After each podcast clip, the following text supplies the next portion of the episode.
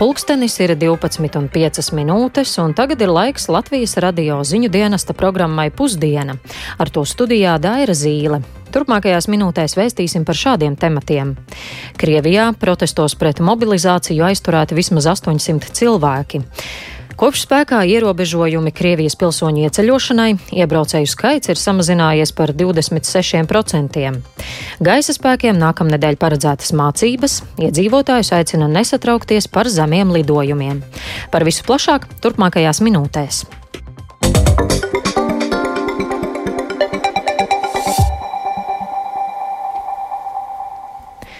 Protesta akcijās, kas Krievijas pilsētās sestdien notika pret karu Ukrainā un nula Krievijā izsludināto mobilizāciju, aizturēti vismaz 800 cilvēki. Par to liecina tīmekļa projekta OFD infodati.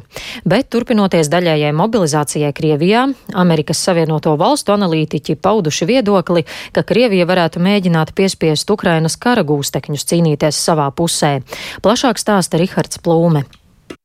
Sesdienas protesta akcijās Krievijā cilvēki tikuši aizturēti vairāk nekā 30 pilsētās, tostarp Permā, Irkutskā, Tomskā, Ufā, Kazaņā, Volgogradā un citās. Visvairāk aizturēto ir Maskavā, kur aizturēti te jau 400 cilvēku.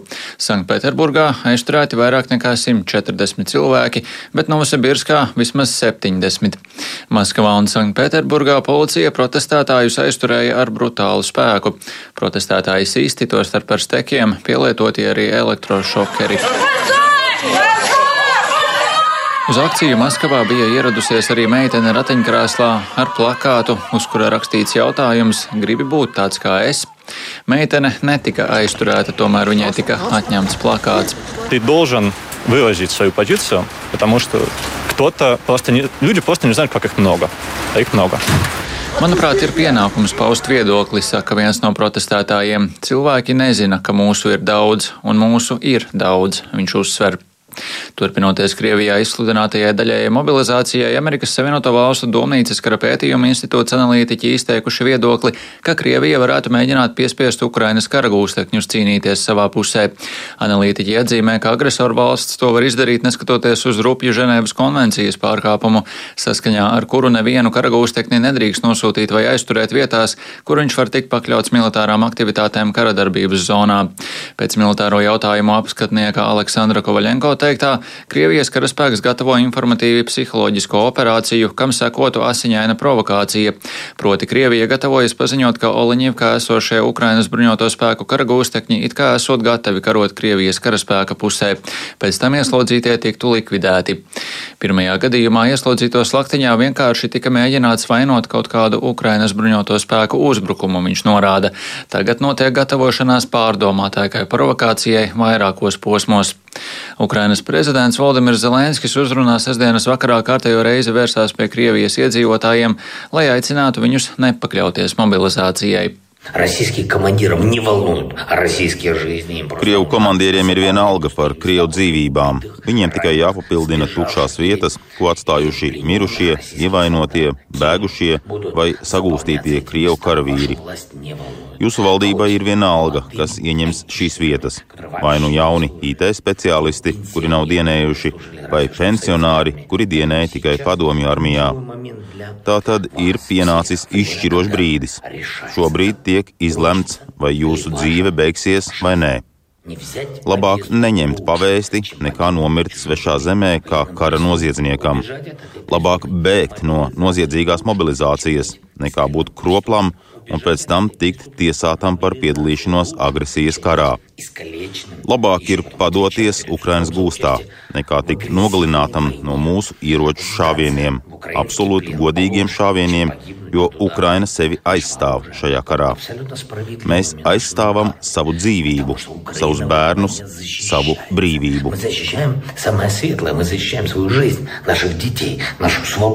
Cilvēkiem pamatot Krieviju joprojām tiek ziņots par garām automašīnu rindām pie Krievijas kaimiņu valsts robežām.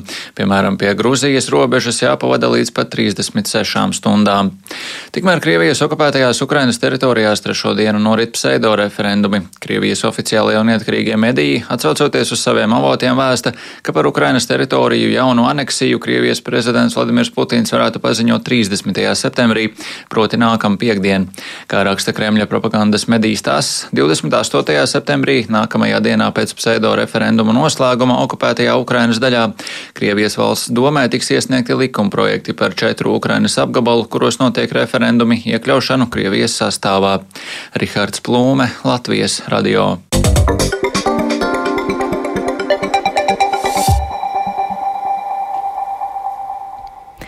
Kopš pirmdienas, kad stājušies spēkā valdības noteiktie ierobežojumi un Krievijas pilsoņi, Schengenas īstermiņa vīzu turētāji, Latvijā vairs nedrīkst ieceļot ar nebūtiskiem mērķiem, piemēram, turisma un atpūtas nolūkos, iebraucēju skaits ir samazinājies par 26%.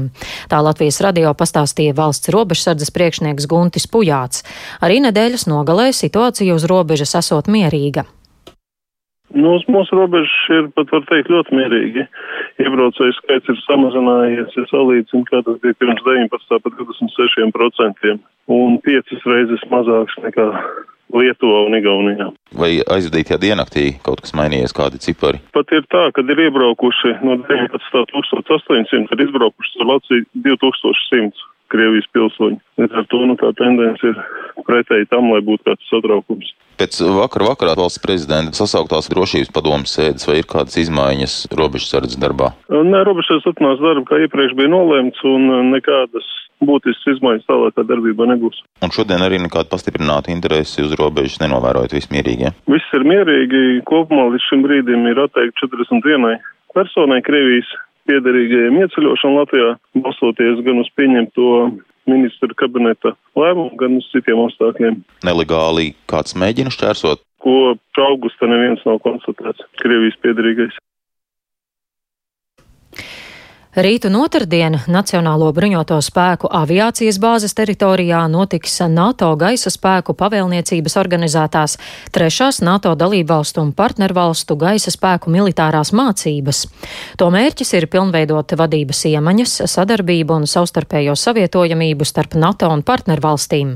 Mācību laikā Latvijas teritorijā un gaisa telpā plānots izspēlēt vairākus militāros vingrinājumus, tostarp gaisa kuģu pārtveršanu, radiosakaru zudumu, gaisa kuģu kontroli un atbalsta sniegšanu sabiedroto gaisa kuģiem, nonākot ārkārtas situācijā. Gaisa spēku mācību plānošanas pārvaldes virsnieks, kapteinis Matīs Students, iedzīvotājs aicina nesatraukties par zemiem lidojumiem. Šajās mācībās veiks dažāda veida vingrinājumus, kas ir saistīti ar gaisa uguns atbalstu, lēni lidojošas lidmašīnas piespiedu nosēdināšanu, lidmašīnas radiosakaru zudumu, gaisa kuģu kontroli. Šogad arī plāns ir iesaistīt uh, Spāņu neisams vienību, kas ir dislotēta Lielvārdas aviācijas bāzē. Un tādējādi trenēt arī pretgaisa aizsardzību. Vai kaut kas jāņem vērā iedzīvotājiem, vai, vai tas būs pamanāms šīs mācības? Jā, tieši tā. Iedzīvotājiem būtu jāņem vērā, ka uh, lidojumi būs arī zemajos augstumos. Uh, no tā nevajag baidīties, jo šie lidojumi pārsvarā tiks veikti Latvijas Republikas normatīvo aktu ietvaros, rezervētās zonās virs ādažu poligona gan virs Lielvārdes lidlauka, gan arī tāpat arī Latvijas austrumu pusē zonās, kas ir izveidotas attiecīgi šādiem treniņu lidojumiem. Šogad, salīdzinot ar pērno gadu, vairāk nekā divas reizes palielinājušies pašvaldības uzņēmuma Rīgas meži tēriņi par atkritumu nodošanu. Lai mežus attīrītu no riepām, pudelēm un citas drazas, uzņēmums ir iztērējis jau teju 110 tūkstošus eiro, par ko būtu varējis iestādīt vairāk nekā 400 tūkstošus jaunu priedīšu. Tāpēc sadarbībā ar valsts vides dienestu nākamajā nedēļā Rīgas meži rīkos kampaņu Tīri Rīgas meži vides sos, lai samazinātu samazinātu vides piesārņojumu, stāsta Rīgas mežu pārstāve Ieva Bērziņa. Patiesībā neaizdomājamies, ka piesārņojot mežus, mēs piesārņojam savu sēdu, savu apkārtni, kurā ikdienā atpūšamies, skrienam, pastaigājamies un ejam elpot svaigu gaisu. Mēs noteikti daudz labāk stādītu kociņus, koptu jaunaudus, iekoptu jau esošos mežus un rūpētos par zaļo rotu, nevis ikdienā vāktu atkritumus. Nu, lai šo situāciju aktualizētu un lai cilvēkiem arī piedāvātu risinājumu. Tātad mēs kopā ar valsts vidas dienestu nākamajā nedēļā sākam kampaņu Tīri Rīgas meži vidas sos.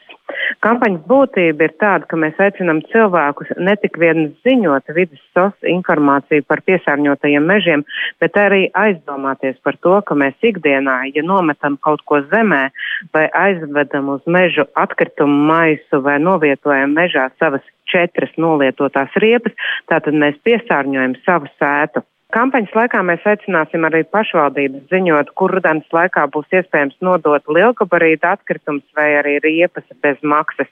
Tādas katru gadu pašvaldības piedāvā. Un līdz ar to cilvēki tiek aicināti izmantot šo iespēju, nevis mežus piegružot.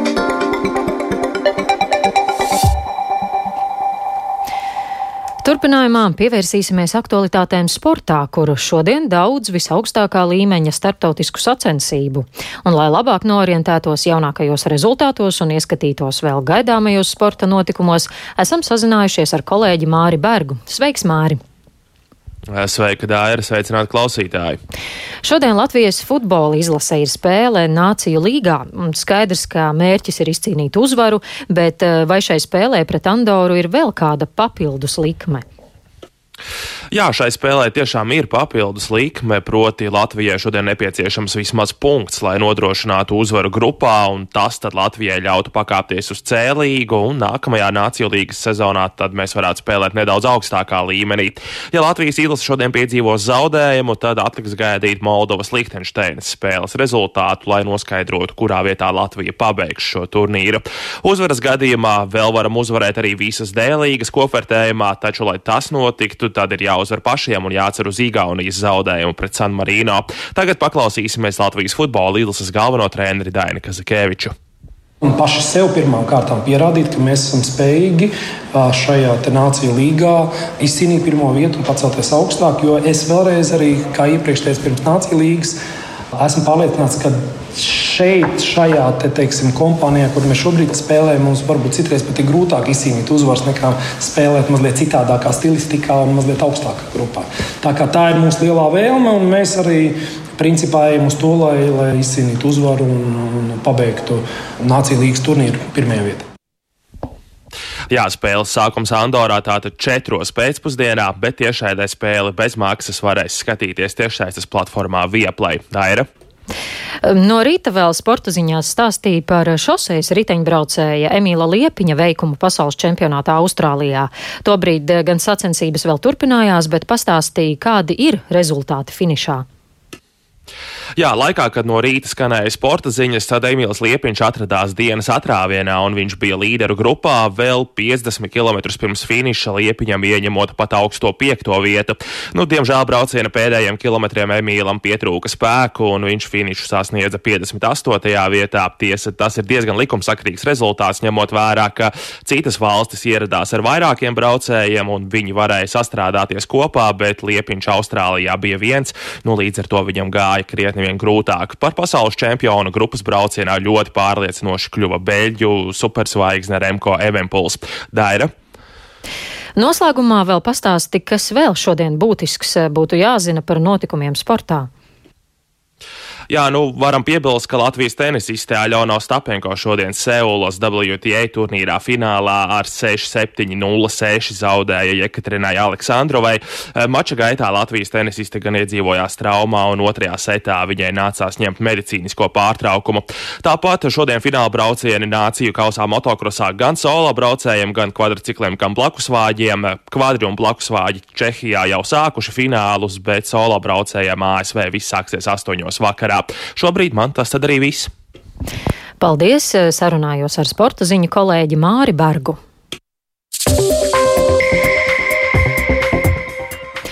Līdz ar to arī izskan pusdienas ziņu raidījums. To producēja Edgars Kupčs, par labskaņu gādāja Kaspars Groskops, skaņu režijā Mārtiņš Paeglis, bet studijā Daira Zīle.